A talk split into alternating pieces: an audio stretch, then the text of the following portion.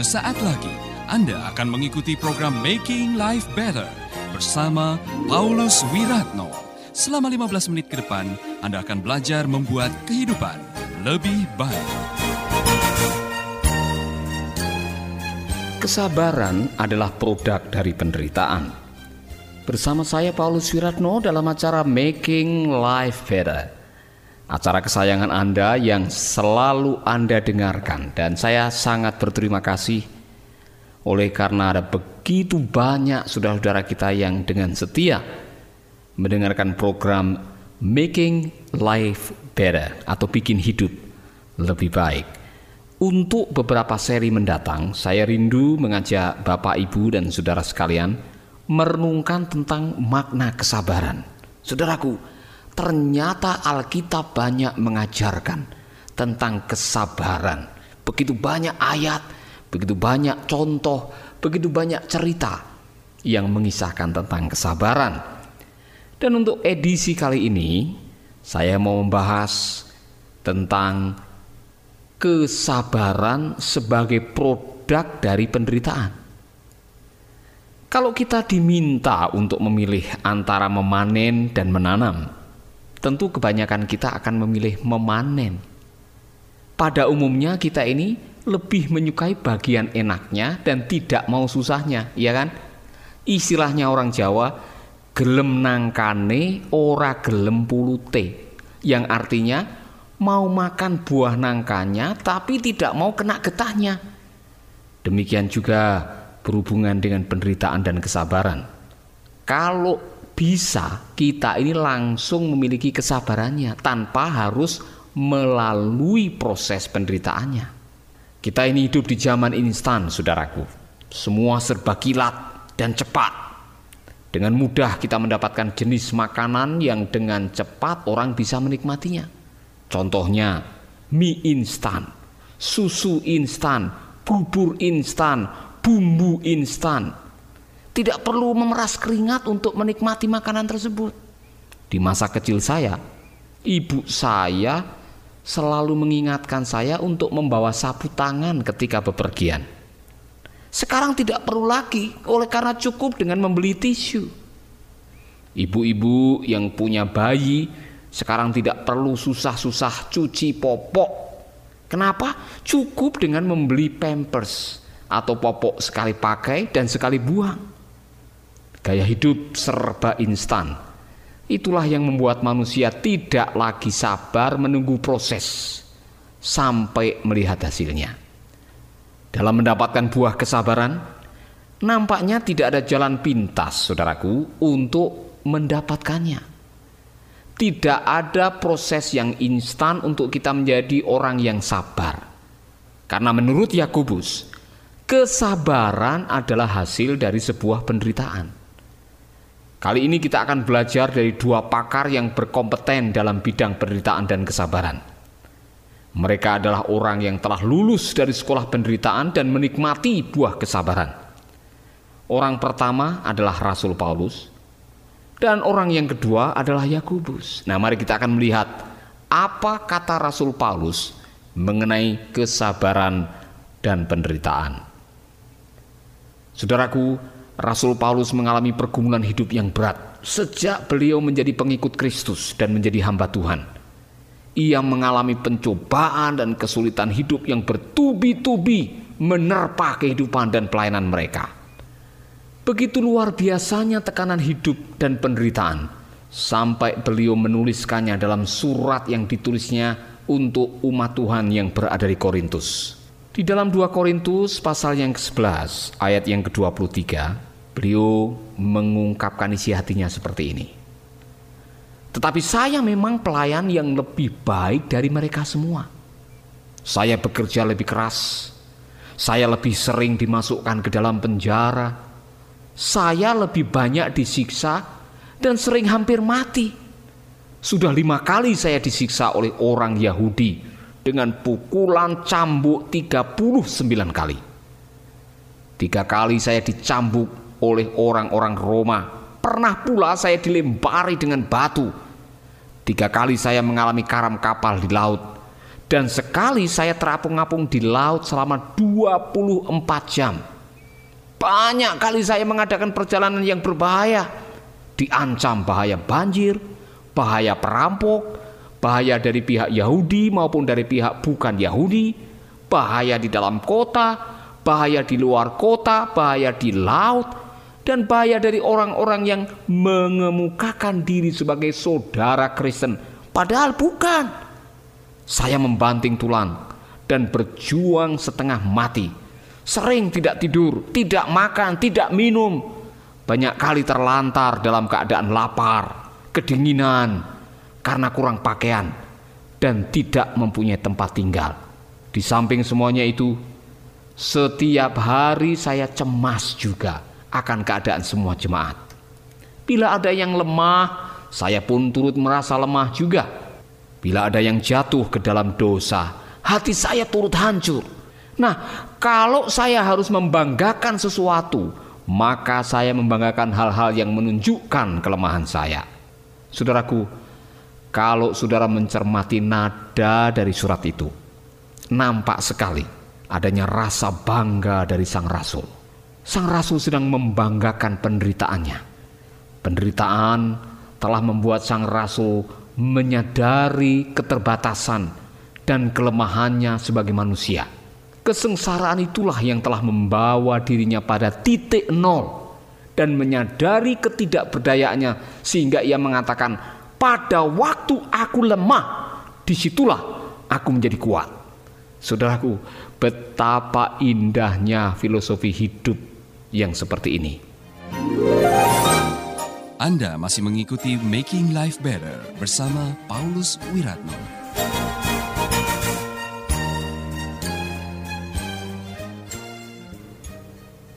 Rasul Paulus juga menasehati Timotius dengan kalimat yang seperti ini bunyinya.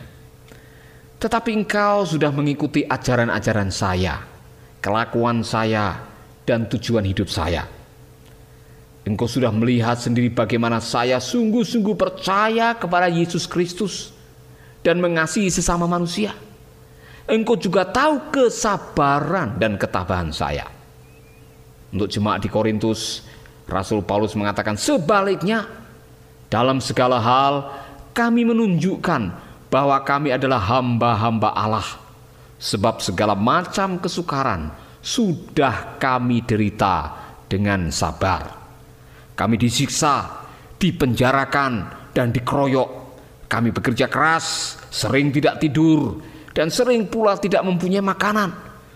Dengan berlaku tulus, bijaksana, sabar, dan baik hati, kami menunjukkan bahwa kami adalah hamba Allah. Juga dengan bergantung pada pertolongan roh Allah dan dengan kasih yang ikhlas. Rasul Paulus sedang menunjukkan dan menghimbau serta mendorong Timotius dan kita sekalian sesuai dengan apa yang dia alami. Dia sedang mengatakan kepada kita kalau kita diizinkan oleh Tuhan menghadapi penderitaan, penderitaan oleh karena iman kita, penderitaan oleh karena keyakinan kita kepada Kristus Sang Juru Selamat. Jangan mudah menyerah. Kalau toh kita harus diperhadapkan dengan aniaya, kesulitan, pergumulan hidup, ingatlah apa yang beliau katakan. Tabah dan sabar menghadapi semuanya. Saudaraku tidak heran kalau Rasul Paulus sampai titik darah yang penghabisan pada waktu beliau dipanggil oleh Tuhan. Beliau menulis sebuah surat yang mengatakan, "Aku telah mengakhiri pertandingan dengan baik." Dan pertandingan iman itu telah diselesaikan oleh karena ketabahan hatinya. Tetaplah di Making Life Better bersama Paulus Wiratno. Sekarang kita akan belajar dari orang yang kedua yang saya pikir juga punya sebuah pengalaman yang luar biasa yaitu Yakobus. Saudaraku bagi Yakobus, penderitaan merupakan sebuah jalan menuju pendewasaan karakter kita. Yakobus adalah orang kedua yang memulai suratnya dengan sebuah perintah yang berbunyi sebagai berikut. Saudara-saudara, kalau kalian mengalami bermacam-macam cobaan, hendaklah kalian merasa beruntung. Sebab kalian tahu bahwa kalau kalian tetap percaya kepada Tuhan pada waktu mengalami cobaan, Akibatnya ialah kalian menjadi tabah. Jagalah supaya ketabahan hatimu itu terus berkembang sampai kalian menjadi sungguh-sungguh sempurna serta tidak berkekurangan dalam hal apa pun. Perhatikan hubungan antara pencobaan, ketekunan, tahan uji dan menjadi sempurna. Di dalam surat ini begitu erat berkaitan Saudaraku, untuk memahami isi surat ini, kita perlu melihat situasi umat Tuhan yang sedang menghadapi penganiayaan. Sejarah gereja telah mencatat perjuangan iman dan kesabaran mereka untuk mempertahankan iman. Begitu hebat perjuangan dan kesabaran mereka, sehingga Tuhan sendiri memberikan ganjaran kepada mereka yang sabar. Benarlah syair lagu yang mengatakan sabar dalam susah sukarmu. Sabar Tuhan ada sertamu. Sabar, sabar, Tuhan beri kuat padamu. Tepatlah apa yang pernah dikatakan oleh John Maxwell bahwa satu-satunya yang menghalangi laju terbang seekor burung di udara adalah udara itu sendiri. Tetapi jika udara ditiadakan sama sekali, menurut hukum aerodinamika, malah burung itu akan berjatuhan, tidak bisa terbang. Demikian juga dengan kesabaran yang membuat kita bisa jatuh dan meninggalkan keyakinan kita kadang-kadang karena kita tidak sabar karena begitu banyak tantangan dan pergumulan hidup. Tapi kalau pergumulan hidup tidak ada, aniaya tidak ada, maka kesabaran kita tidak akan pernah bertumbuh di dalam karakter kita. Emas berlian baru bisa dinikmati keindahannya dan mahal harganya setelah melalui proses yang panjang. Saudaraku, ketika saya berada di Filipina, saya pernah berjumpa dengan para penambang emas tradisional. Saya perhatikan para penambang itu pergi ke gua-gua, menggali batu-batu, kemudian membawanya pulang. Sampai di rumah, Potongan-potongan batu itu kemudian dihaluskan menjadi seperti pasir dengan menges dihaluskan dengan mesin giling menjadi pasir yang halus. Kemudian disaring dengan menggunakan air dan campuran merkuri untuk mendapatkan biji emas. Setelah itu masih harus melalui proses pengapian untuk memurnikan emas yang diharapkan. Proses memang selalu menyakitkan dan memakan waktu yang panjang.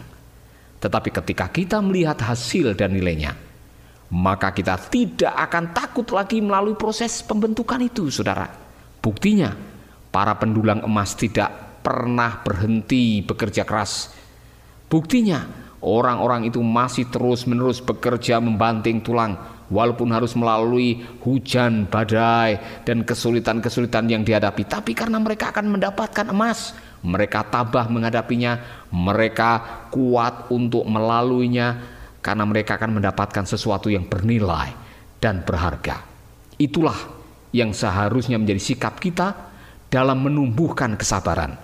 Tidak mudah menyerah atau mencari jalan pintas.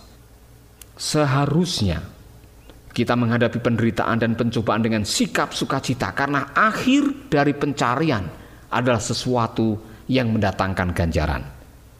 Benarlah apa yang pernah dikatakan oleh Yakobus, anggaplah sebagai sukacita apabila kamu jatuh dalam berbagai-bagai pencobaan. Karena pencobaan yang dijalani dengan tekun akan membuahkan kesabaran. Dan kesabaran akan membuat kita menjadi orang yang tahan uji. Dan dalam kondisi tahan uji, kita menjadi orang yang tidak kekurangan apa pun juga. Demikian juga dengan kesabaran. Benih karakter itu memang dari Tuhan, ditanam melalui kebenaran firman, dan dipromosikan oleh kesengsaraan dan dinikmati oleh banyak orang. Selamat memasuki sekolah kesabaran. Tuhan memberkati. Baru saja mengikuti program Making Life Better bersama Paulus Wiratno. Terima kasih atas kebersamaan Anda. Tuhan memberkati.